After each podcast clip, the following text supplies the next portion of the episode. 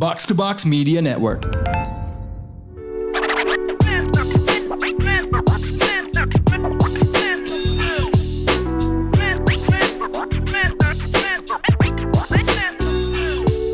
What up, what up? You're now listening to the most valuable basketball and hip hop podcast in Indonesia, The Mixtape.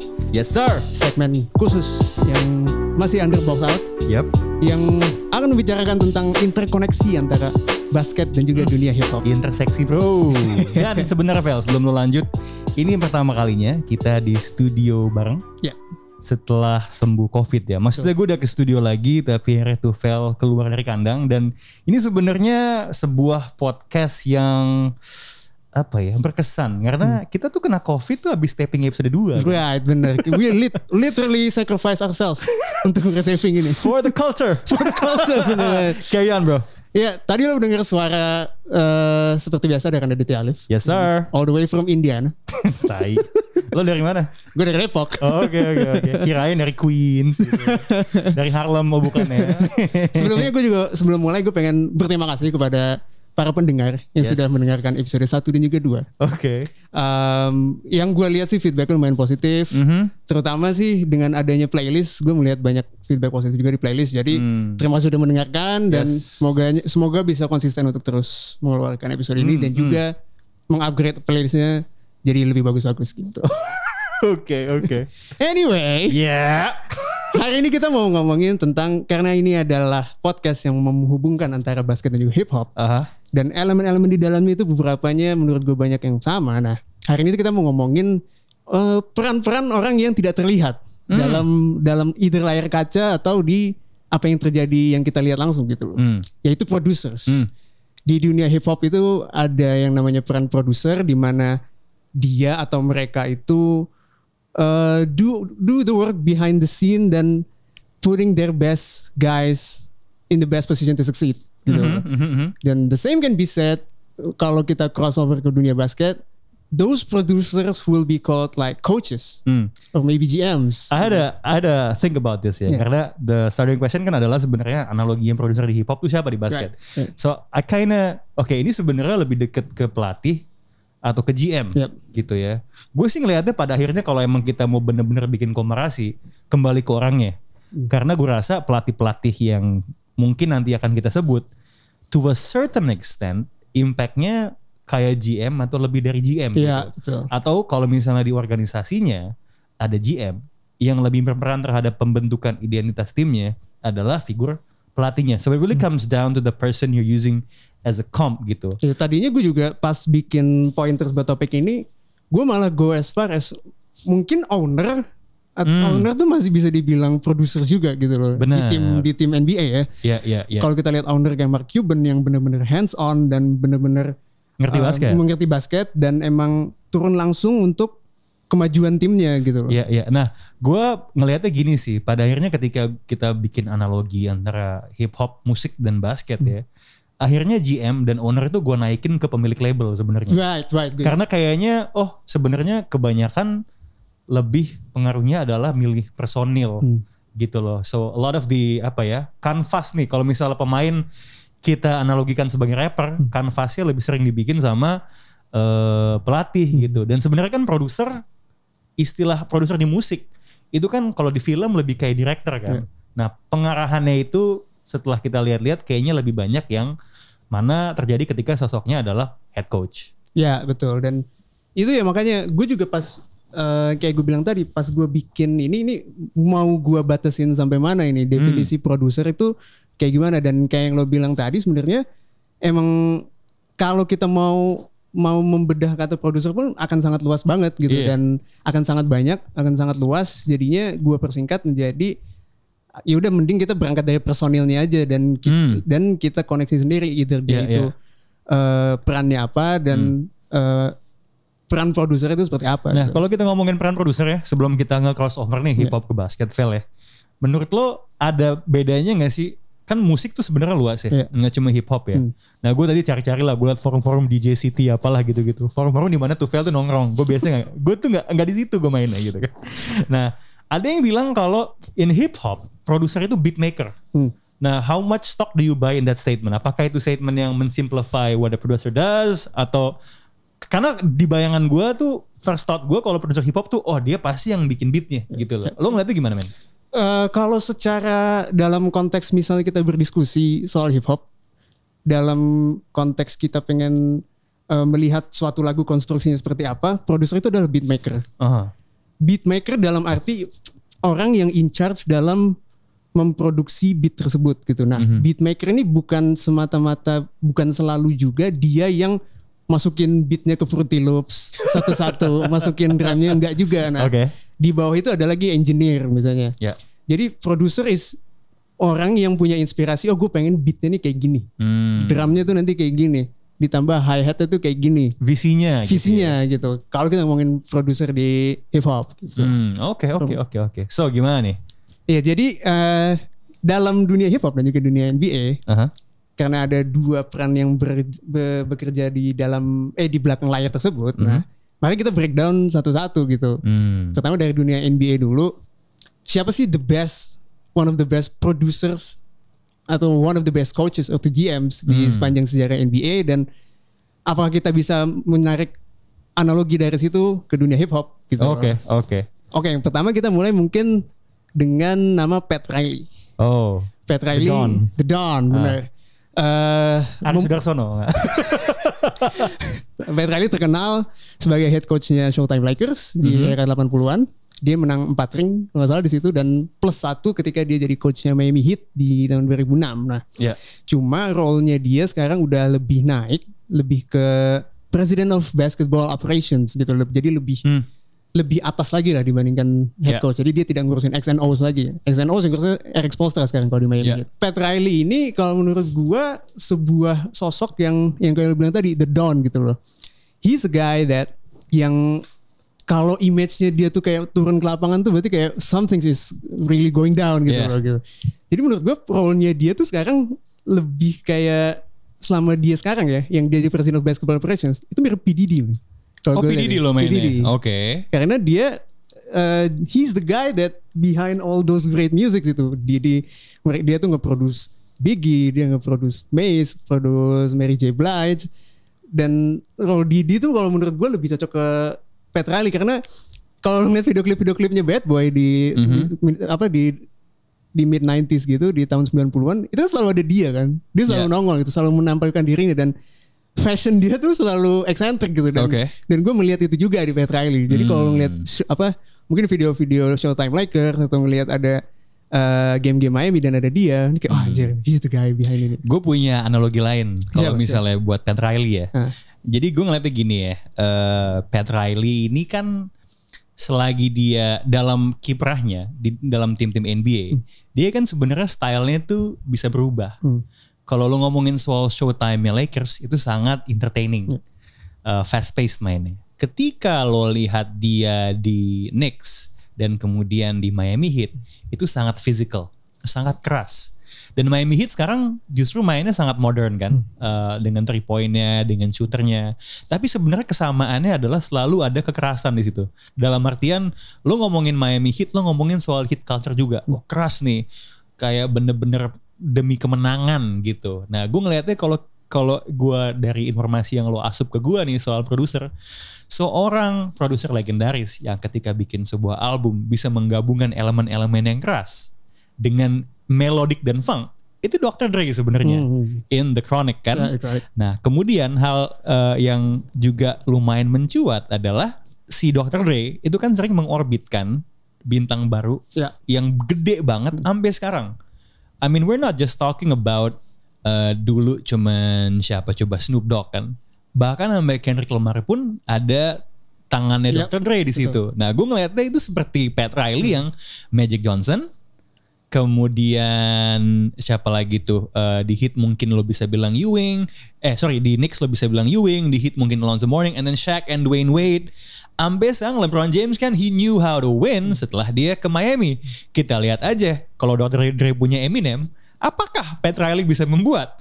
Duncan Robinson. Dan Tyler Hero apa namanya eh, ya mungkin gak kali ya. Maybe that's one analogy too far gitu.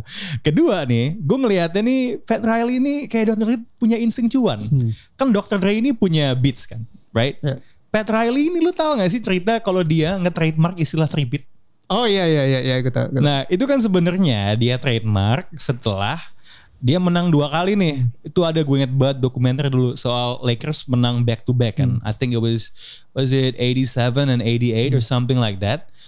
Tapi sebenarnya ketika mau repeat dia kalah habis itu lawan Pistons kan. Cuman karena dia udah nge-trademark istilah itu, tiap kali ada yang menang tiga kali berturut-turut dan menggunakan istilahnya, dia dapet cuan juga. Jadi sebenarnya dia uh, harus berterima kasih sama Phil Jackson.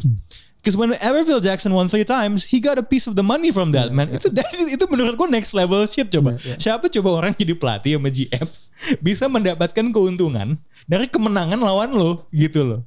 Let's say dia tetap sama hit gitu ya.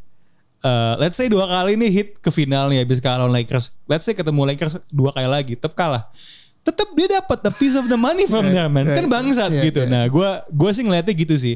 Mungkin ketidaksamaannya adalah Dr. Dre ini perilakunya terhadap wanita nih agak questionable ya. Tapi tetap kita sekarang dia kondisi Dr. Dre gimana sih kan kemarin mau nggak Iya, salah. ya, ada brain aneurysm nggak salah. Cuma eh gue gak tahu update-nya kayak gimana terakhir. Tapi alhamdulillah nggak ada berita buruk yang dari yang gue tangkap dari sini. Iya iya, so mungkin gitu kalau kalau gue ngeliatnya I can see where you going with the Didi Yeah. comparison. Kalau gue ngeliatnya Dr. Dre sih, apalagi Riley ini kan tendensinya ya, dia sukanya di pinggir laut kan, di coast to coast tuh. Dia nggak pernah latih di, tengah-tengah Amerika nggak pernah tuh, Yeah, yeah, Iya kan di West Coast di LA, dia ke East Coast di Knicks, abis itu ke apa namanya ke Miami gitu. Memang So, suka pantai ya. Bapak, Bapak Riley ini. Oke next. Who else you got? Who else you got? Selain Pat Riley, of course kita harus nyebut Phil Jackson. Oke, The the Zen Master. Zen Master. Ya ya ya. The guy behind all the runs by Chicago Bulls di Benar. tahun 90-an. Hmm, Tripit juga sama Lakers, Mhm. sama Shaq and Kobe. yes. Yang sempat ada stint dia di Knicks jadi GM, tapi tidak sukses. Ya. Eh, sekarang sibuk apa nggak tahu gue juga. Gak tau gue juga. Ya mungkin di somewhere di ranch di Montana Right, kali. nah. Udah putus sampai jadi bus dia kan? Dulu Oh, kan sempet sempet sempet sempet. Anyway, terus. Nah, kalau ini, kalau menurut gue analogi hopnya baru ke Dr. Dre kalau gue. Oke, gue juga punya counter jawaban tapi Nah. lo dulu deh. eh. Karena gue sih cuma ngambil, oh he's all about that Zen master gitu dan Ah. tenang dan Ya. eh, dan yang gue tangkap dari musiknya Dr. Dre, The Chronic itu adalah emang ini musik hip hop emang bukan bisa dibilang musik yang lo bilang tenang cuma pada saat West Coast style itu dimulai dari Dr. Dre, Aha.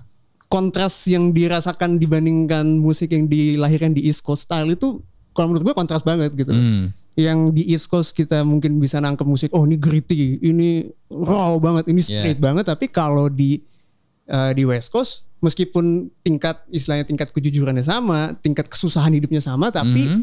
musik yang diekspresikan tuh lebih lebih laid back gitu Oke. dan lebih funk gitu dan Ah. Zen Master is all about that chill and you know you know Dr. Dre's got that chill, got that good good gitu loh. Jadi Oke, oke. kalau menurut gue sih Dr. Dre. Oke, lu mau tahu gue nariknya ke siapa? Siapa? Kan lo bilang tadi Phil Jackson di luar keberhasilannya di lapangan, dia sangat suka Zen. Iya. Dia sangat suka budaya Indian. Apakah itu cultural appropriation? That's another question entirely ya. Cuman lu punya hobi-hobi yang aneh ini. Menurut gue analoginya Kanye West sebenarnya. Oke. Kanye Kanye West yang bentar lagi jadi duda ya di saat podcast. Atau mungkin gue nggak tahu uh, sidang perceraiannya tuh sampai di mana saat podcast ini tayang. Kan dia adalah orang hip hop yang interestnya sangat tidak hip hop sebenarnya. Gue pernah ngomong di episode sebelumnya bahwa awal yang sebenarnya gue bisa kepincut adalah ketika gue pertama kali denger lagu All Falls Down. Karena satu asik wah dua nih soulful dan pakai gitar ketiga ini orang di videonya nggak pakai celana baggy. Dia saat semua orang pakai celana baggy. So it's a bit uh, left field gitu. Dan menurut gua tim-tim yang dilatih uh, si sama si Phil Jackson dari segi kesuksesan itu transcendent. Timnya Jordan like wah ini bener-bener kalau lo ngomongin menang ya udah menang gitu loh. Sedominan itu uh, over uh, a shorter period of time gitu. Nah kalau lo lihat Kanye when he was in the top of his game, lo tuh nggak ngebandingin dia dengan hip hop artis lain. Lo ngebandingin dengan artis dari genre lain gitu. Gue jujur sama lo, the only time I've ever paid attention to the Grammys ya adalah tahun 2006. Ketika album Late Registration Kanye West itu wah ini kayaknya bakal jadi album hip hop yang bakal menang album of the year ya. Nah seingat gue sampai tahu semenjak itu nggak ada album hip hop menang album of the year. Beyonce lo mau bilang hip hop atau R&B kalah sama Beck lo kan nggak sih waktu itu kan. Nah um, cuman waktu itu entah kenapa Kanye West tuh kalah sama sama YouTube. I'm like what the fuck? Ini kenapa? Karena YouTube pesan tentang per- perdamaian dunia atau apa gitu. Although you could say I think tahun 2003 2004 you could say ya ketika si Speaker Box Outcast. eh Outcast itu menang, you could say itu album hip hop yang menang. Tapi kan out outside of that kasusnya nggak banyak. So that transcendence bahwa kesuksesannya itu melampaui sebuah genre itu yang membuat gue me- menarik kesimpulan bahwa Phil sama Kanye, Phil itu analoginya Kanye. Dan karena keanehan-keanehan yang tadi. And my third comp, kenapa Phil ini adalah Kanye, tau gak Pan? Because Kanye ketika dia berusaha untuk gue pengen keluar dari musik kenapa ini classism kan yang ngomong kan karena gue pemusik gue nggak bisa bikin apa-apa tapi kan technically lu bisa bilang ya mungkin Yeezy laku dikit kali ya Hmm, secara garis besar kan dia sebenarnya ketika keluar dari musik hip hop kan nggak berhasil berhasil amat gitu. Sama halnya dengan Phil Jackson. Ketika dia jadi GM gagal total gitu loh. so that's where I'm drawing my comparisons bahwa the Zen Master is the Ye Master gitu. Phil Jackson for me is Kanye West. Who, who next you got bro? Next Ini asik nih main cocologi Gue gue lumayan suka nih anjing. lanjut di eh, untuk NBA producers lagi kita punya Greg Popovich. Oke oke. Obviously. Lu siapa? Eh enggak, lu, lu jelasin dulu deh. Ya. Pop tuh what makes him a great producer. Menurut gue Greg Popovich adalah tipe ini dia kan harusnya sama dia tuh sama GM GM juga kan role-nya dia kan di Spurs. Ya kan? sebenarnya se- sepengetahuan gue walaupun ada RC Buford ya, Iya, RC we all know the person calling the shots is Greg Yeah. Popovich. Yeah. Yeah, obviously Greg Popovich is one of the best head coaches of Uh, all time. yeah. When it's all said and done, he's easily top three. Yeah. Konsistensi dia on the court is unmatched. Yeah.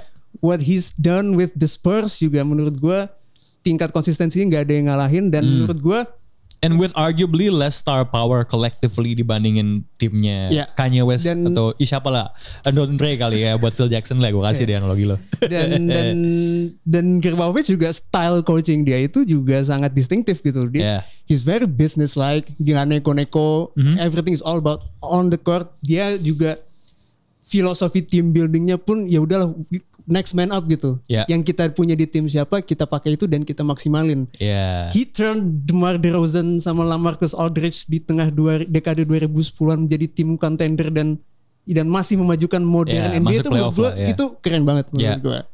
So who you got? Dari Oh, dulu. lu mancing gua? Dari dulu. Dari dulu. ya kalau buat gue kompe jelas ya. Hmm. Working with a team with a lot of people.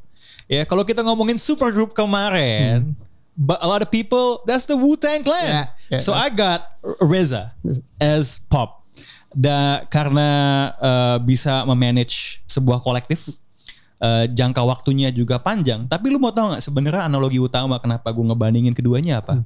Karena kedua orang ini punya minat yang sangat tinggi terhadap hal-hal di luar Amerika. Oke, ya, Iya ya, dong. ya, ya. Kalau pop kan dia adalah Spurs kita tahu lah mereka termasuk salah satu tim yang paling mengedepankan nyari pemain di luar Amerika. Itu dari pengalaman dia sebagai dulu dia tuh di Air Force. Jadi dia sering ke luar negeri tuh. Off, off, off season tuh Greg Popovich tuh bukan turis domestik lah. Dia akan ke Eropa Timur, dia akan ke mana untuk mempelajari culture. He's very cultured gitu. Dan sebaliknya Reza itu kan tontonannya tuh film-film kungfu Iya. tahun eh, zaman dulu tuh It- dari luar Amerika gitu kan. Itu kalau di US tuh masuk ke bioskop-bioskop yang ya ya, ya bener esek-esek. Yang nggak terlalu grade A lah gitu. Cuman menurut gua itu tuh he's not posing at all doing that. Walaupun film Man with Iron Fist jelek ya minta ampun ya.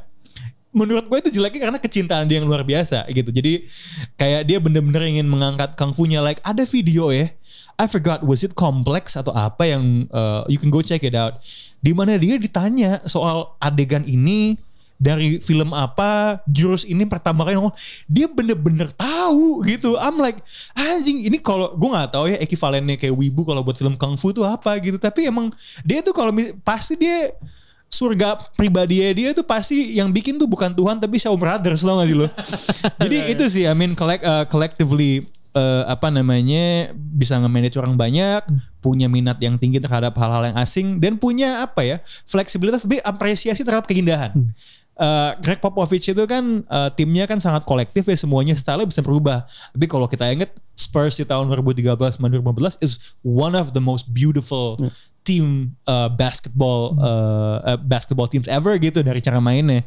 So for me, you know, Pop is the master of the Wu-Tang Clan, man. gue sama sih comparison gue Iya. pop sama eh, analoginya pop is Reza. Eh iya benar. Hmm. Dan kalau gue sih berangkatnya dari style dia personifikasinya kayak Ah. kayak yang gue bilang tadi pop is very business like gitu. Ya. Gak neko-neko kalau when it comes to basketball you just play, you just do your fundamentals, Aha. teamwork, trust your teammates, bla bla bla. Nah Reza tuh kalau menurut gue juga sama dalam arti dia tuh kalau nge-produce lagu itu tuh emang bener-bener ya udah murni rap untuk di di, di dibikin sedemikian rupa supaya yang nge-rap ini udah lu bisa do what you do gitu. Dan style production dia kalau menurut gue itu sangat cocok.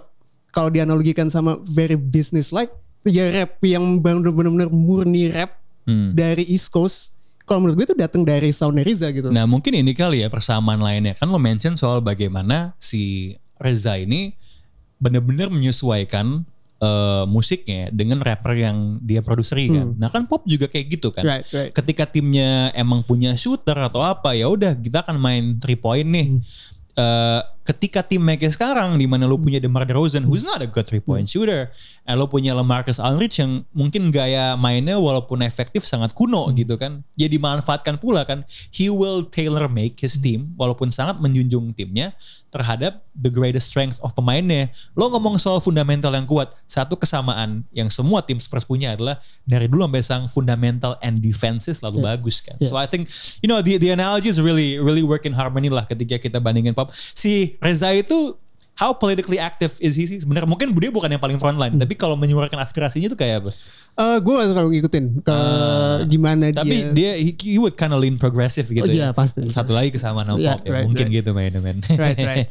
Oke lanjut lagi. Tadi kita udah ngomongin pop. Sekarang mungkin gue mau angkat satu yang agak unik Hmm. dibandingkan tiga nama tadi. Yaitu Mike D'Antoni. oh Mike D'Antoni Mike D'Antoni walaupun um, di kalau kita melihat di jajaran NBA sekarang dan karir dia ke belakang, mungkin kalau kita ngomongin one of the greatest coaches of all time, jarang ada yang masukin Mike D'Antoni. gitu. Yeah. Tapi menurut gue, imprint yang dia kasih di game NBA, imprint yang gimana dia dengan tim Phoenix Suns Ya. di tengah tahun 2000-an dengan seven second or less yang eventually akan evolve dan mendominasi NBA sekarang. Kalau menurut gue itu D'Antoni gitu. Nah gue tuh kalau lo ngomongin D'Antoni ya, Hmm. bagi gue dia memang legacy terbesarnya adalah ideologi ya, Ya. bukan hasil gitu. Jadi kalau mungkin teman-teman di sini ada yang suka dengerin podcast box to box football, gue ngebayangin nih kalau misalnya Coach Justin suka basket, pelatih yang paling dia suka itu adalah D'Antoni.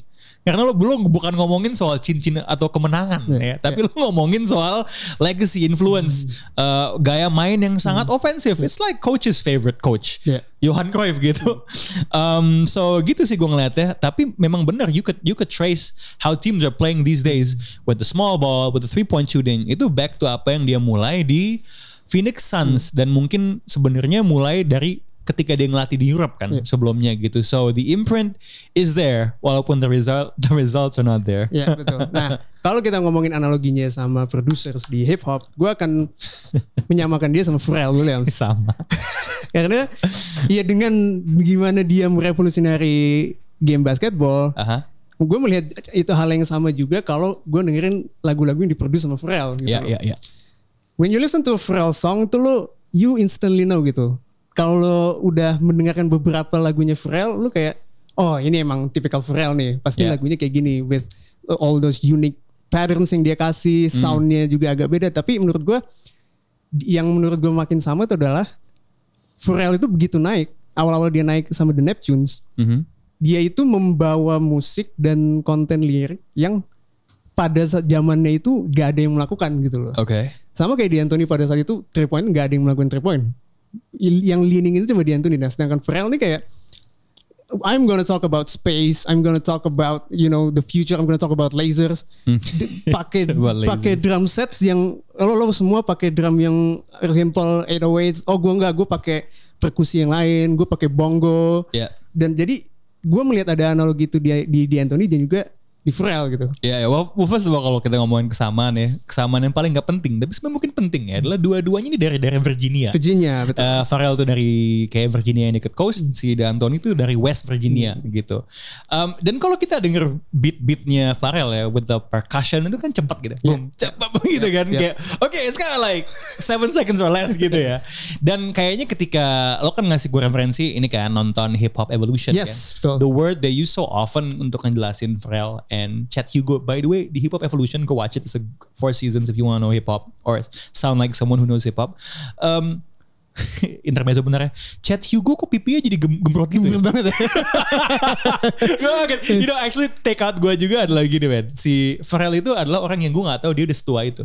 Gue baru tahu dia tuh involve sama Teddy Riley. Yeah, lagu yang yeah, nanti nanti itu tuh apa gue tuh nggak tahu gitu. Karena mukanya tuh muda dan D'Antoni kan gitu kan. Kayak walaupun dia udah tua kan gaya mainnya sangat muda gitu kan. So that's another kesamaan the teams play attractively Pharrell ketika datang ke Grammy have a really attractive hat I don't know gitu sih so yeah I mean ahead of the time ahead of the time time. definitely dan sangat fast paced sih so yeah I I totally dig dig this uh, analogy sih Yeah, D'Antoni sih is Pharrell lah Uh, ketika main kita jadi happy ketika lagi ketika lagi nonton nice one, nice one. eh ya itu tadi eh, producers-producers Ya. atau coach yang ada di NBA. Ya, Sekarang ya, kita ya. berpindah ke dunia hip hop. Oke. Um, gua akan meng- mungkin ini namanya udah kita sebut lagi. Oke. Yang, yang udah kita sebut tadi, cuma Ya. kita akan eh, dive in lebih lagi. Aha.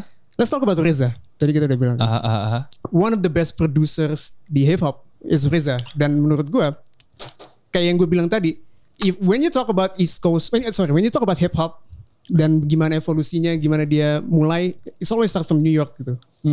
From the East Coast dan East Coast has this unique signature sound gitu loh. Oke. Mungkin orang bilangnya boom bap, mungkin orang bilangnya backpack rap, mungkin orang bilangnya uh, I don't know the golden age of rap gitu dan menurut gue Riza itu perannya sangat kuat di pembentukan itu gitu loh. Ya. Kalau kita mau ngomongin lebih detail gimana dia um, gimana apa imprint dia di beat it- di di sound of East Coast itu adalah yang pernah gue bilang juga di episode sebelumnya di episode Super Team kalau dia tuh bisa mengcapture that rawness, that grittiness, Ya. that streetness dari streets of New York itu dibawa ke ke lagu gitu ke media lagu. Dan menurut gue kalau kalau kita ngomongin produser di hip hop kan istilahnya yang lo bilang tadi kita nyediain kanvas supaya rappernya bisa bekerja di situ lah istilahnya kan. Dan menurut gue kombinasi antara beats beat walaupun simple tapi bisa mengcapture that grittiness kemudian ditambah dengan that kalau lo ada rapper New York yang rap over Reza beat itu kayak the whole kan lo kayak mendapatkan orgasme versi East Coast style gitu loh kayak Yeah. lu mendapatkan heavy dose of street rap with nothing but just just just raps on raps on raps gitu Iya, Dan iya, iya. kalau kita ngomongin East Coast style kan mungkin hook atau rap atau chorus itu kan bukan selling pointnya kan Verse. Ya. verse-nya gitu kayak di dalamnya itu dan menurut gue Riza itu bisa mengcapture itu sangat baik gitu dan kalau menurut gue ya hebatnya dia lagi adalah again ini gue mengeko apa yang gue bilang di episode sebelumnya kalau all the Wu Tang Clan shit all that all that concept kung fu shit it's all on him gitu dan Iya. he produced one of the classics album di 36 Chambers Wu Tang Iya, Clan gitu iya, dan iya, iya. Setelah itu dia nge-produce masing-masing solo album anggota-anggotanya dan itu semua klasik gitu loh. Ya dia tuh sebenarnya ya, sebenarnya kalau lo bisa bilangnya kalau analoginya kan itu sangat pop culture ya, kungfu ya. Zaman sekarang tuh dia kalau lo lihat Marvel dia Kevin Feige-nya lagi sebenarnya. Iya Iya, sih? bener. Bener, Kayak bener, just, bener, I know yang ini kartu gue mau gue mainin kayak Hmm. apa. Like he knows, he knows how the how the apa ya spread it out Iya, gitu. Dan iya, iya. dan gue senang aja sih karena you know untuk sesuatu yang sangat gritty referensi dia hitungannya tuh eclectic gitu loh. Lu ngomongin soal kung fu like you talk about the the greatness uh, cream dollar gitu ya. Itu kan yes gritty but it's also slick. You know, kayak enak aja lo dengernya gitu. It's not just someone shouting and just Yeah, saying yeah, yeah. I'm from the street gitu, Yeah, I wanna yeah. shoot you. Enggak Yeah. gitu, enggak kayak gitu. Gritty iya, tapi ada soulnya. Iya. Again, mungkin ini juga yang bisa gue bilang tentang Riza dan mungkin semua produser yang kita sebut di sini adalah you know what to expect when you listen to Riza produce beat Iya, gitu. iya. You you will come for that uh, that rawness, that grittiness, tapi at the same time sekarang pun dia bisa evolve gitu loh. Iya. Nggak- Beat dia juga nggak nggak cuma ya kayak dulu-dulu lagi lah gitu Ya, istilahnya. Nah, sama gini men, ibaratnya kan kalau coach nih kita ngomongin kehebatannya tuh dia punya coaching tree kan. Ya, betul. Nah makanya kalau produser hip hop dia punya influence. Ya. Dan Kanye West kan dia mengakui dia sangat influence by Yes, Reza yes. gitu. Dan Kanye is ya. Let me ya. talk about Kanye. Iya iya. kenapa? We'll talk about Kanye later. so that's on Reza. Menurut Yeah. gua he's one of the best. And then kita tadi mention Dr. Dre, of course. Ya. Dr. Dre kalau menurut gua, gua mungkin agak nggak fair, cuma gua akan bilang he single-handedly melahirkan music West Coast. menurut gua. Ya. Music West Coast yang yang kita kenal sekarang dan yang pada saat itu Sugar night Oh enggak enggak enggak. enggak enggak enggak enggak enggak enggak bercanda. Hey, syarat Shoes, man. itu hasil dari Dr. Dre gitu yeah, dan. Yeah, yeah. No, dan menurut gua album dia The Chronic itu mm -hmm. udah kalau bisa lo taruh di istilahnya di museum yang bisa bener, lo taruh bener. untuk merefleksikan apa yang terjadi di selama dekade itu. You know, lo tuh kalau dengerin The Chronic ya, ya, yeah, it feels like kayak misalnya gini ya. Hmm. Lo udah dengerin semua hip hop West Coast nih ya. And then lo dengerin The Chronic itu tuh vibe-nya kayak lu banyak nonton anime nih, tapi lu nggak pernah nonton Akira. Right. Terus lu nonton Akira, and then you kinda get it. Oh, jadi semua yang gue tonton setelahnya dari sini toh. Oh, semua yang gue dengerin semuanya tuh pohonnya kayak misalnya gini, gini lu, lu nonton apa coba? The Matrix. Oh, keren banget gitu kan. When you watch Akira afterwards, you're like, oh, so that's where they got it Yes. from. That's the vibe kalau lu baru dengerin The Chronic ya sekarang. Dan kalau kita denger lagu Dr. Dre, especially The Chronic atau albumnya 2001, Ya. Itu kan emang bener encapsulate West Coast music dan gue tuh nggak pernah ke LA. Gue cuma kayak expose dunia LA itu cuma dari film atau TV gitu. Ya. We know about the weather, we know about the palm trees dan Ya, ya, ya, ya. the lowrider gitu. Nah, Ya. gue tanpa harus ke LA dengan mendengarkan lagunya, gue bisa wah Lu dapat visualnya. dapat visualisasi dari Ya, kayak begitu. Lu kan kalau kita ngomongin rapper kan it's always about pewarisnya juga kan. Hmm. Gue tuh gak ngerasa ya pas dengerin Chronic lagi gitu ya. Actually album orang yang berhubungan sama dia yang gue paling inget tau ngapain men? The Game actually. ah, Documentary. documentary ya. Hate it or love it. Hate it or love you, it. you, it, Compton man. West Side Story itu keren banget. Yes, yes, yes gitu. Kayak yeah you got the grit, but you also got the soul.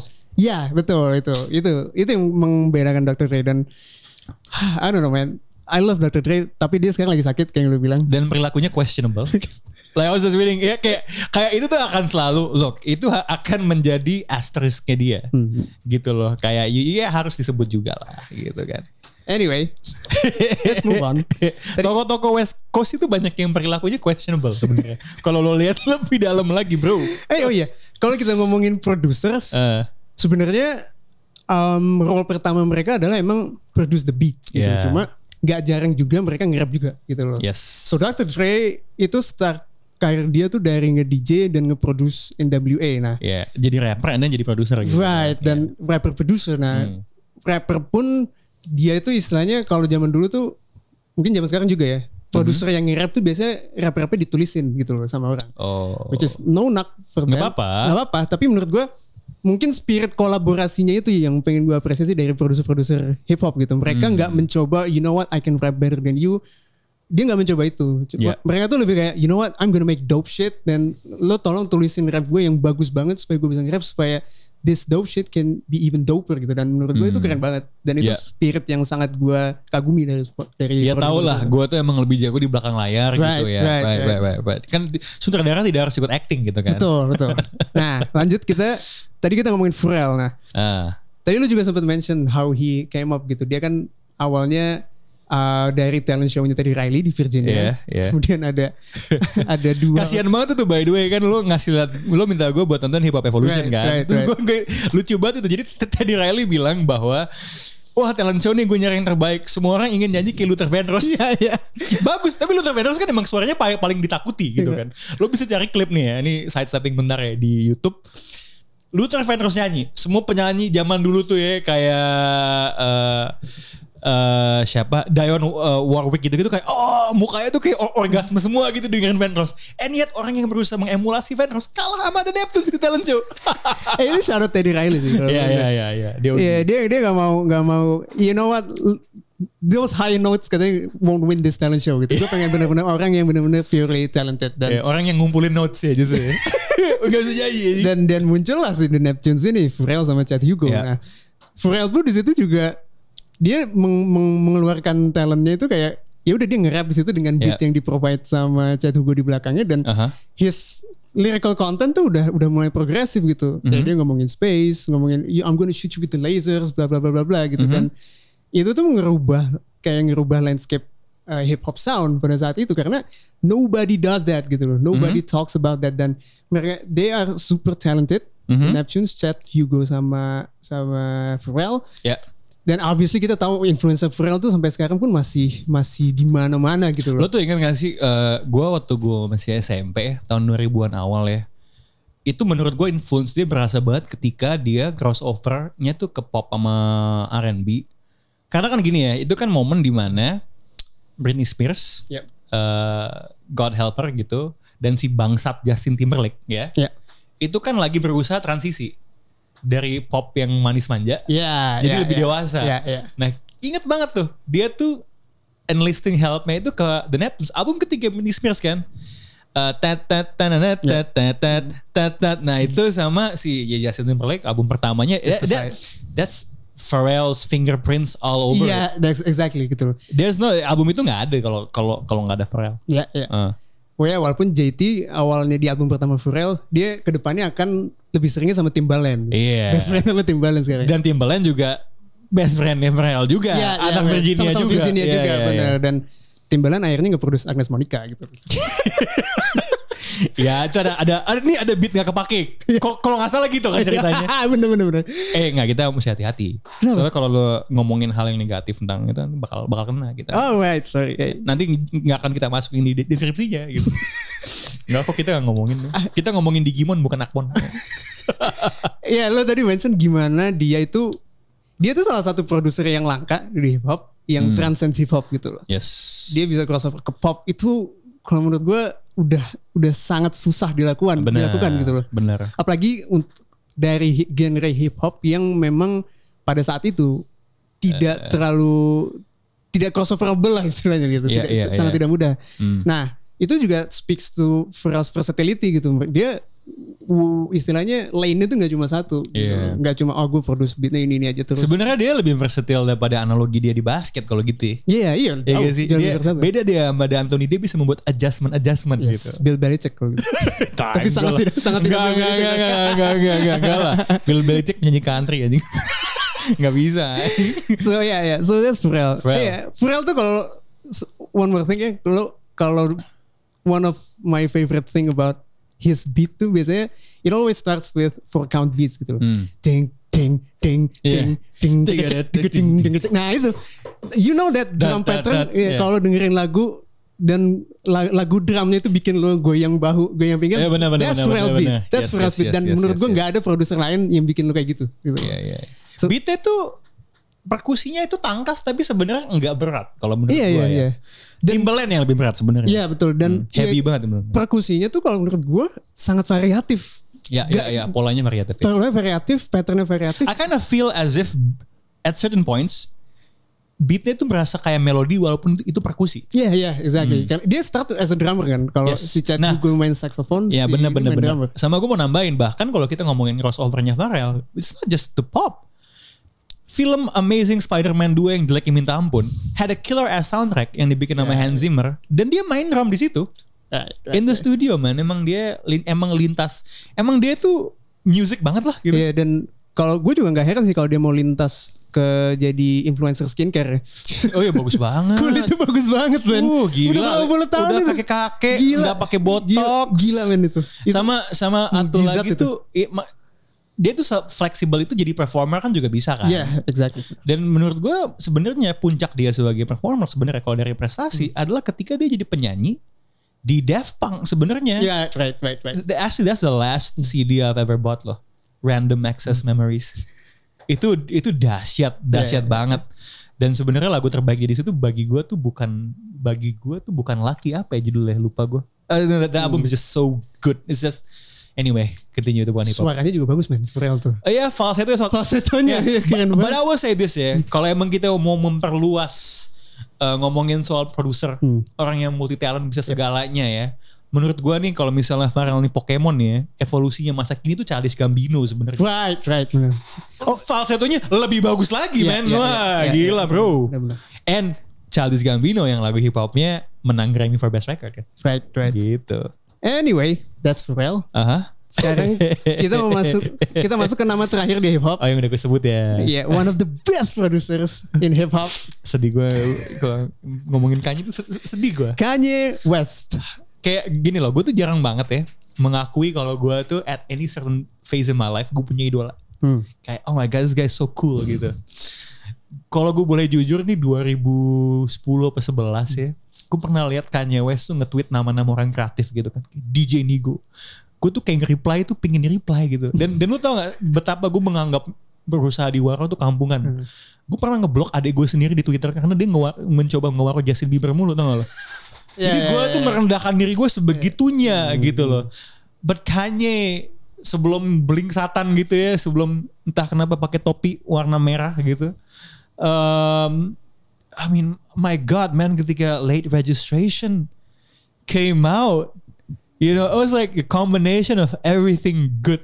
The skits, bahkan lagu yang paling mediocre di album itu ya. Uh, celebration misalnya, itu tuh masih bagus anjing Right, right, right. aduh bagus banget kayak pada saat itu kan gue taunya emang sebenarnya musiknya juga relatif mainstream gitu. I mean I didn't go like gue tahu it's not like ketika gue kecil gue udah tahu uh, Notorious B.I.G atau Tupac atau apa gitu kan. So my first impression bahwa hip hop itu keren, cultured itu was through Kanye West. Like he penetrated someone yang sampai tahap itu tuh dengernya tuh masih mostly musik pop gitu. Sekeren itu gitu. So and and the apa ya the the samples the when you talk about samples you talk about Kanye. West di tahun 2004 2005 man. Kayak it's like ini orang nih toko vinyl tuh nemu apa sih Iya, gitu iya, loh. It iya. was like so good dan saking bagusnya Kanye di masa itu tuh lu gak cuma penasaran sama musik ya lu penasaran sama sumber-sumber musik yang dia pakai Hmm. gitu. Dia tuh sebegitunya dulu Iya. buat gue. Sedih gue ngeliat dia kayak gini men. Eh mungkin kita sa- saya trik dikit kalau di dunia produser hip hop tuh kita akan banyak dengerin istilah sample gitu loh. Benar. Sampling itu adalah proses di mana seorang produser, seorang beatmaker Mhm. itu ngambil kayak sebuah elemen parsial di Hmm. lagu lain Nyicip nyicip. diinkorporasi atau dimodifikasi Di speed up kadang-kadang. Di speed up atau di slow down. Di naikin pitchnya. dan di- dipakai untuk lagu dia sendiri Ya. gitu itu that's sampling gitu sebenarnya banyak banyak pros and cons banyak blowback juga ah itu kan lu nggak bikin beat sendiri lu kan nyolong gitu tapi itu up for another discussion gue sih sangat proponen buat sampling Mhm. Dan if we go back to discussion about Kanye West kalau menurut gue origin story-nya itu dia tuh lumayan keren gitu loh dia all of this producer tuh started by beat making gitu Ya. making beats every day gitu dan Dilla, kalau Pete Rock. Gila Petrok. Eh, Rest in peace. Rest in peace. Dan kalau yang gue tangkap dari empat produser ini tuh mereka tuh kayak work ethic itu egomania eh, work, workaholic gitu loh men kayak Iya, iya. sehari lu Pencarian beat yang sempurna exactly gitu, loh kan. dan sehari lu bisa bikin 100 beat sehari lu bisa Yeah. bikin 200 beat 40 50 beat that's fucking crazy gitu Obsessive bro. dan gue gue to be honest di masa-masa gue sangat terjun di dunia hip hop itu gue sempet ter- terinspirasi Hmm. I listen to most hip hop songs then I think to myself, oh shit, maybe I can do this gitu. Oh gitu ya. Jadi lo abis nyari kayak musik-musik lama gitu. Dan dan gue enggak akhirnya akhirnya gue mencoba ah gue pengen belajar bikin beat gitu. Ah. So I looked it up dan biasanya eh, yang gue tangkap adalah pada pada saat itu software yang digunakan adalah Fruity Loops. Yeah. ya kan? So I downloaded Fruity Loops. I downloaded the you know the Pharrell pack gitu kan biasanya kan ada pack-pack untuk drum drum soundnya Pharrell gitu itu bisa lo Oh. Jadi download. jadi gitu. ini ini tuh kayak filter sebenarnya. Iya ya. benar benar Oke. itu drum sound bisa lo download kayak by Pharrell. The Viperel terus ada apa? Ada Timbaland. Just Blaze, ada Timbaland. oh, Just gitu. Blaze, shout out. Nah. Dan oh ini oke nih, gue punya ini gue bisa bikin nih. Ya. Cuma ternyata susah banget dan all all I all I did was a simple dus tak dus dus tak dan gitu doang akhirnya jadi AB-AB ya. AB-AB bener sangat tidak progresif sangat tidak unik gitu dan Ya. akhirnya oh shit making beat itu susah banget Ya. ya udah akhirnya gue meninggalkan itu Hmm. gue pikir oh mungkin making beat susah ya udah gue coba nulis nulis rap gitu Susah juga. susah juga So these these collective failures Yes. itu memberikan reverence yang lebih tinggi ya Betul. bagi orang-orang yang, di- yang kita bahas Yes, gitu ya. betul. Jadi I love that about about them gitu. Ah. They're endless forgetting in finding the right sound. Nah, kayaknya kan kayak gitu dan Hmm.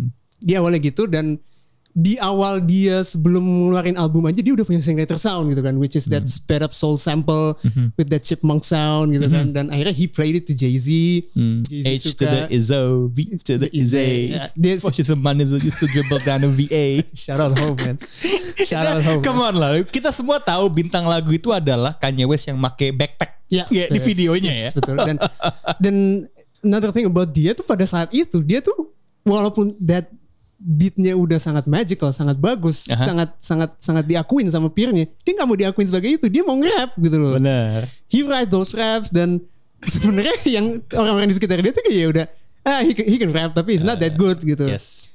Dan lo kalau nonton juga di series Hip Hop Evolution itu dia juga bilang di interview kalau kalau gue bisa nge-rap anywhere near the caliber of my beats, I will kill the game gitu. Hmm. Dia bakal punya dia gitu dan endingnya pun kalau kita ngeliat evolusi karir dia gitu, game itu sempat dipegang sama dia men gitu loh. Mhm. Baik secara um, baik secara seni konten dan juga seni influence Ya, gitu loh. benar. Dan kalau menurut gua Good records. good good music, good music records, shout out good. Dan G O O D. getting out our dreams. Dan let's let's talk about kalau kita ngomongin Kanye, let's talk about his discography. Ya. Ya. Uh, I know you you have a certain preference in Uh-huh. graduation, gitu kan? Oh yeah, well I think I think graduation is criminally underrated. I think graduation and 808 heartbreaks itu underrated. Menurut gue graduation tuh karena late registration tuh gede banget ya. Dan soundnya berubah banget di graduation dan berubah lagi di 808 heartbreaks ya. But with the benefit of hindsight and the benefit of time, menurut gue impact dari dua album ini tuh gede karena memperluas khazanah hip hop. Yep. Karena kalau kita ngomongin soal speed up soul samples di graduation sama 808 Heartbreaks, he went a bit European. Yep, yep. He uh, dengan synth misalnya, and in 808 Heartbreaks, kan lu ngomong soal oh, kalau gue bisa nge-rap ya, dia nyoba nyanyi gitu, yep, jelek sih, jelek, jelek banget gitu. Tapi at least penggunaan autotune itu membuat orang lain, oh gue juga nggak bisa nyanyi nih, gue pakai autotune aja Yeah, kayak dia yeah, gitu loh. Impactnya selalu ada impact yang bahkan ketika albumnya di reviewnya nggak sebagus yang sebelumnya atau biasa aja, there's always gonna be something in a Kanye album yang bisa dipakai sama orang lain sebenarnya. Yeah, that's the, that's the crazy part about Yes. him gitu. Uh, berarti menurut lo the best Kanye album? Oh my god, ini tuh susah banget deh karena Well first of all makin ke sini gue makin gak dengerin ya. Yap. Because Oh. dia menjadi sebuah insan yang gue gak ngerti maunya apa. Yeah. Gitu. Oh sama satu lagi ciri nih soal penggunaan choir tadi belum lo mention Ya, ya. ya, ya. Gue ngerasa itu sebenarnya justru lebih kentara sekarang Yes. daripada dulu. Yep. Dulu kan ya ada di di uh, Jesus Jesus Walks, ya. ada kan? Penggunaan choir mungkin nggak seprominent sekarang, tapi Yeah. that influence, religious influence itu ada. Iya, iya, iya. Um, best Kanye album Pertanyaan, this is, a hard question. Ini kayak lo milih anak walaupun gue bukan orang tuanya album-album ini ya. Look, subjectively, subjectively I still go with late registration. Because that was the one I listened to the most. Like I listened to it religiously. I really love lagu Gone itu menurut gue it has to be one of the most underrated hip hop songs of all time. Kalau kita berkaca kepada kata orang-orang dan review, that album would be My Dark Twisted Fantasy. Ironically itu lagu yang paling dibenci, eh album yang paling dibenci makanya West kan. Oh ya, ya, ya. Karena dia nganggep ini dia paling memuaskan orang lain tuh di album itu. And probably that album was the one yang should have won the Grammys. Yep, I yep, think. yep. Um, so I would gravitate between susah banget ya kayak cause they're so different. That's Yep, yep, yep. susahnya di situ man. Yes, yes. Dia tuh setiap Kalau album kalau kalau gini gini you put a gun to my head, jawaban gue would be late registration karena itu yang paling gue nikmati. Tapi I cannot deny graduation tuh untuk bisa gue nikmati sebegitunya walaupun beda banget sama yang sebelumnya tuh signifikan gitu loh. Gue mungkin flashing lights gue suka banget bangsat. Susah tapi kayak where the album where everything came together was My Dark Twisted Fantasy. Ya, Like subjectively I would go with subjectively I would go with late registration. Objectively dengan mempertimbangkan apa yang dicapai dan opini orang lain, I would go with Dark Twisted Fantasy. Ya, ya. Gitu. But my jadi gini, my subjective ranking is number one is late registration, number two is Dark Twisted Fantasy, number three is graduation. My objective ranking, eh sorry, number two is graduation, number three is my Dark Twisted Fantasy. My objective uh, ranking would be Dark Twisted Fantasy, late registration, graduation. Gitu sih susah aja. Susah. Why do you have to put me on the spot like that, Phil? Ini harus didiskusikan kalau kita ngomongin Ah, Kanye gitu. Oke, go ahead, go ahead. So, kalau nah kalau gua kalau kita ngomongin best eh, Kanye diskografi, Hmm. gue gue juga harus sama kayak lo harus gue bedakan mana yang ma- mana mana yang menurut gue the best, Head mana, versus heart, man. mana yang yang favorite gue. Yeah. Gue the best obviously gue akan pilih My Beautiful, My Beautiful Dark Twisted Fantasy Yeah. Karena dari segi output dan juga dari segi how the album came together. Oh iya gitu. benar ada ada mini movie-nya dulu. Iya dan dan yang gue tahu adalah pada saat produser Kanye memproduksi album itu itu tuh kayak sebuah project yang gini loh kayak ya udahlah gue gue lupa di mana di pulau mana di Hawaii kalau nggak salah mereka itu so Kanye set up shop in this in this no man's land Aha. dia tuh suka gitu kalau sebelum kalau lagi album mode dia tuh kayak Isolasi mandiri. isolasi mandiri bener Isoman deh. terakhir dia tuh ke Wyoming kayak Iya. buat buat bikin album nah Kemudian dia isolasi mandiri, dia panggil tuh semua semua yang dia pengen bikin, pengen dia kolaborasi dipanggil. ya. Nah pada mesti saat, datang gitu ke sana iya, ya. pada saat MBDTF ini yang datang tuh nggak main-main. Q-Tip datang, Eh, Reza datang, Bon Iver datang kalau nggak salah. Bon Iver, Eh, terus Rick Ross datang. aha, Dari semua nama-nama itu dan Nicki Minaj juga ada aha. Oh Nicki Minaj naik karena menurut gua Exactly. karena asosiasi itu. karena Monster. Hmm. Dan mem- mem- mempertimbangkan itu dan setelah kalau lo denger lagunya, outputnya Mhm. itu udah bukan bukan itu udah bukan lagu men udah bukan album musik gitu lebih kayak seni lukisan yang di Benar. yang di yang di yang dibungkus pakai media lagu Nyet gitu. nyet itu tuh malah ada satu fase ya. Kayaknya ini nggak lama habis albumnya keluar ya. Yang dia selalu ngerilis musik every Friday itu Good, Good, Good Friday Good Friday man. Nah sebenarnya lagu yang gue paling suka dari situ nggak man? Christmas in Harlem man. ah gak gak tau gue Wah tuh enak banget man. Dia pakai beatnya dari Marvin Gaye. ah right Eh ya tuh ya anyway nanti deh gue gua kasih dengerin ya. Itu itu itu itu itu gokil itu tuh. so yeah My Beautiful Dark Twisted Fantasy Aha. dan kalau go by track by track itu kalau zaman sekarang istilahnya no skips Benar benar benar benar benar. Dan dan we have to remember ya kan dia bikin film kecil tuh tentang ketemu Phoenix atau apalah ya gitu. ya. Runaway. Ya Runaway.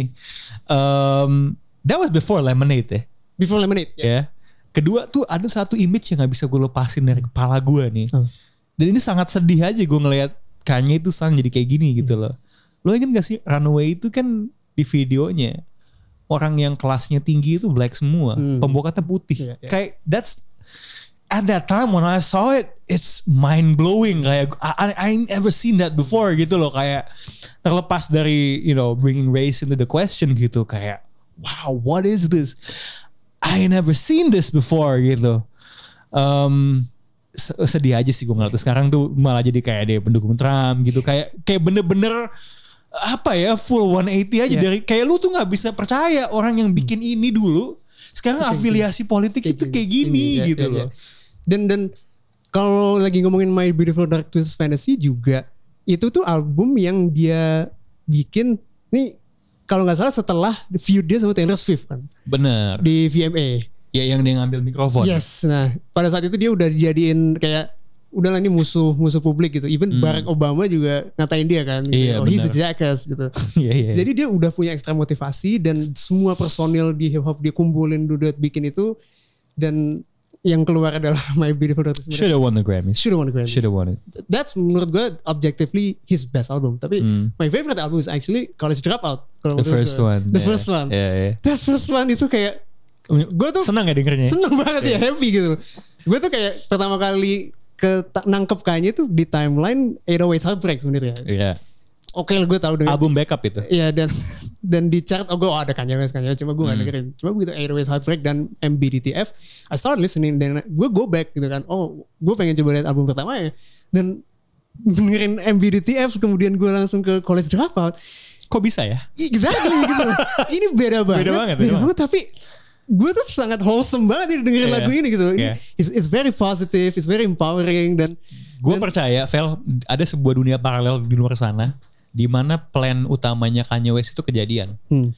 You know the bear character kan yang nongol di college dropout. yeah, yeah. You, you know how it was supposed to be college dropout, and then late registration, and then graduation, kuliah. Next stepnya was kerja, good ass job. Good ass job. Dan kalau kita dengerin si Chance the Rapper Yep. yang mengidolakan Kanye West ya. Banget. Dia kan ngomong kan dia still waiting for a good ass job. gitu. Good ass job. Progresi dari si tokoh beruang ini dari lulus kuliah jadi kerja. Although itu because of a personal tragedy kan karena ibunya pass away dia trajektorinya nggak jadi seperti itu. Tapi gue gue yakin ada dunia paralel di luar sana Earth 627 628 di mana nothing bad ever happened to Kanye. Gitu Jadi loh. Ada dua album di hip hop yang kita sangat deprived of. Yang satu Good Ass Job, Mhm. satu lagi Detoxnya Dr. Dre. Ah. Yang sampai sekarang kita nggak akan tahu keluar tuh kan. Iya iya iya. So- that's the biggest what if ya. The biggest one Iya, bener. iya, Nah, iya. kalau kita ngomongin Kanye kita juga mungkin perlu bahas juga his second half of his career tuh kayak yang lu bilang questionable gitu. Iya. The moment MBDTF keluar dan kayaknya mungkin ini adalah universal opinionnya adalah dia tuh udah mulai declining pada saat Hmm. MBDTF keluar. MBDTF itu keluar kemudian dilanjutkan sama Jesus. Jesus ya. You like that Al? Um, not really ya dibanding yang sebelumnya. Um, but again ya, you can't deny ketika lo, lo denger satu dua lagu aja. Iya. Kayak iya, tidak semua musician atau kreator apa pun akan home run di setiap albumnya. Yep. Gitu. That's that's the thing about lo jadi artis kan. Tapi he at least berani Iya, exactly. untuk ngelakuin setiap album I'm gonna do things differently gitu loh kayak gue tuh nggak nggak bisa tidak menghargai itu Yep, yep. gitu loh kayak he never refuses to play it safe Yep. gitu loh kayak even if album dia nggak terlalu bagus oh ini akan ada sesuatu nih. Wah wah ini beda ya. Ini unik ya gitu loh. And I think dibanding semua nama-nama yang kita bilang tadi perubahan dari album ke album nggak ada yang sekontras Kanye Iya, dan apalagi itu Yesus itu drop setelah My Beautiful Dark Twisted Fantasy kan, which is ekspektasi itu sangat tinggi. sky high. Sky High buat dia ngedrop the follow up of this album, which is unattainable of obviously ekspektasinya kan. Dan karena menurut gua kayaknya ini kalau kita lihat second half karirnya itu kayak yang kayak lo bilang, how this genius ini bisa mengeluarkan either behaviornya atau musical contentnya pun kalau kita lihat dua album terakhir itu tidak tidak terlalu tidak terlalu menggetarkan hati gitu loh istilahnya. iya iya iya. Gue dari second half album dia tuh yang gue suka hanya Life of Pablo. Iya. Life of Pablo tuh menurut gue album yang keren banget Mhm. dari saat dari awal pertama sampai akhir. Dan setelah Life of Pablo, gue gak melihat adanya album Kanye yang bikin gue, "Yo, oi, Kanye is dropping. Ayo kita denger ber- berulang-ulang berhari-hari gitu. Yeah. I, I don't do that shit anymore gitu loh. Ter- album terakhir dia yang judulnya Jesus King, obviously I'm excited it's a Kanye album, but gue cuma denger satu loop, udah gak gue dengerin lagi sampai sampai sekarang gitu. Itu mungkin ya obviously ada faktor mungkin gue namanya musical content sekarang sudah banyak sekali untuk mengkonsumnya juga udah lo udah beda sekarang dibandingkan dengan dulu tapi it's kalau bisa bayangin gak sih ada Kanye album di tahun di dekade 2020 but you don't touch that shit gitu loh Iya sedih man. dan dan lo- yang kayak yang lo bilang Tapi tapi sekarang tuh barriernya juga banyak sih. Maksudnya gini ya, kita tuh gue ada masanya di mana lo ngebisain antara the art and the artist. Yep, yep. Gue rasa zaman sekarang ya, di mana kita sadar bahwa ada hal-hal yang harusnya mendapatkan konsekuensi. Secara gue pribadi nih, pandangan personal tuh, gue udah nggak bisa misahin gitu loh. Karena ya memang ketika orang ngelakuin perilaku yang questionable, menurut gue sah banget bagi gue untuk nggak ngefollow gitu Yep, loh. yep, Because that's you know just a display of ketidaksetujuan dengan apa yang dilakukan di luar gitu. Dan Kanye itu what he does tuh emang setidak atraktif itu gitu loh. Um, sehingga gue jadi emang jadi males sih ya kalau buat dengerin musiknya. And nggak tahu apakah gue gue penasaran juga ya musik dia kayak gini tuh a byproduct of dia makin aneh atau enggak ya? kalau menurut gue iya Hmm. karena the moment kayaknya dia tuh mulai aneh tuh ketika the click tuh pas ibunya meninggal sih kalau menurut gue Oke. ketika ibunya meninggal kayak kayak yang lo bilang ada trajektori yang terpisah gitu dia udah belok lagi dan Iya tapi tapi before he went bit Exactly. political, it was masih bagus gitu loh. ya ya ya maksud gue kayaknya kan kalau yang gue tangkap ya dia tuh punya mental illness gitu kan. He's, Yeah, yeah. he's bipolar gitu dan Ya ya. he's traumatic about the death of his mother tuh kalau gue men-trigger itu dan kalau menurut gue his political episode, his I don't know, his Kardashian episode itu Mhm. kayak his gue nggak bisa memprediksi cuma I think his is it's it's his mental disorder acting up gitu loh kalau Ya menurut gue. ya, ya. Karena kalau lo ngeliat dia dia setiap di turnya juga ada satu sesi khusus di mana dia ngerant doang gitu loh. gue tuh nggak suka ABC gini gini gini. Kenapa black people bla bla bla bla bla bla bla. Dan itu jadi appointment dia gitu. Maksud. It's it's crazy gitu. Cuma karena it's Kanye jadi kita kayak ah you know what it's Kanye being Kanye gitu. Tapi Iya, yeah, ingat ingat that became that became sort of like a verb ya gak sih? Being Kanye. Iya, iya, Kasihan iya. dong lo kayak di, nama dia itu jadi sinonim dengan kalau lu lagi gak jelas gitu loh, being Kanye. Misalnya nih lo tiba-tiba ke gua lo ngeret tentang hal gak jelas ah, gitu kan ngeluh gitu. Ya gua akan meng- sedih gak sih lo lu pakai na- nama orang yang dulu lo anjing nih orang keren banget. banget. Jadi simbol sebuah kejelekan gitu loh kayak paling nge Kanye kan. Pulih ke Kanye gitu ketika lu recot kayak anak kecil gak jelas gitu. Sedih gue, sedih gue sebenarnya. Anyway, that's that's that's Kanye. That's Kanye. Yes, Kanye. Obviously walaupun album dua album terakhir dia nggak begitu bagus, Aha. gue suka pro- how he produce Ya. other artists itu masih bagus. Albumnya Pusha T yang Daytona itu menurut gua keren banget. Itu diproduksi sama Kanye cuma tujuh lagu. You guys should check that out. It's one of my favorite albums of all time. So that's Kanye. Obviously ke depannya kalau dia drop album gua akan sangat menantikan itu. I hope he finds peace. I hope he finds peace. Yeah, I hope he finds I hope he finds peace. Then uh, I guess that's that's all producers that Yeah. we had today, man. Iya kalau misalnya eh, ada yang dengerin episode ini dan ngerasa wah ini kayaknya ada produser yang belum disebut Right, right. atau obviously. ini kayaknya ada analogi dengan pelatih NBA gitu, feel free untuk nge-hit up Instagram Box Out Indo atau mention Tufel atau gua Tufel aja lah, gua nggak setahu hip hop kayak Tufel gitu. Dan kalau ada pun ide-ide eh, untuk ah ini asiknya ngebahas ini nih, Iya, iya. langsung aja mention karena kita ya senang aja gitu ketika semakin banyak orang yang menghubung-hubungkan hip hop dan basketball. Exactly. Dan jangan lupa juga dengerin our companion playlist. Hmm. Eh, bisa dicek di Spotify. Itu silahkan kalian dengerin, kalian post di story atau segala macam. Mudah-mudahan itu membuka. eh, oh, kalian menemukan lagu-lagu bagus di situ. So I guess that's the time we have. Makasih banyak karena Ali. Thank you, Tufel. this is the mixtape, and we are out.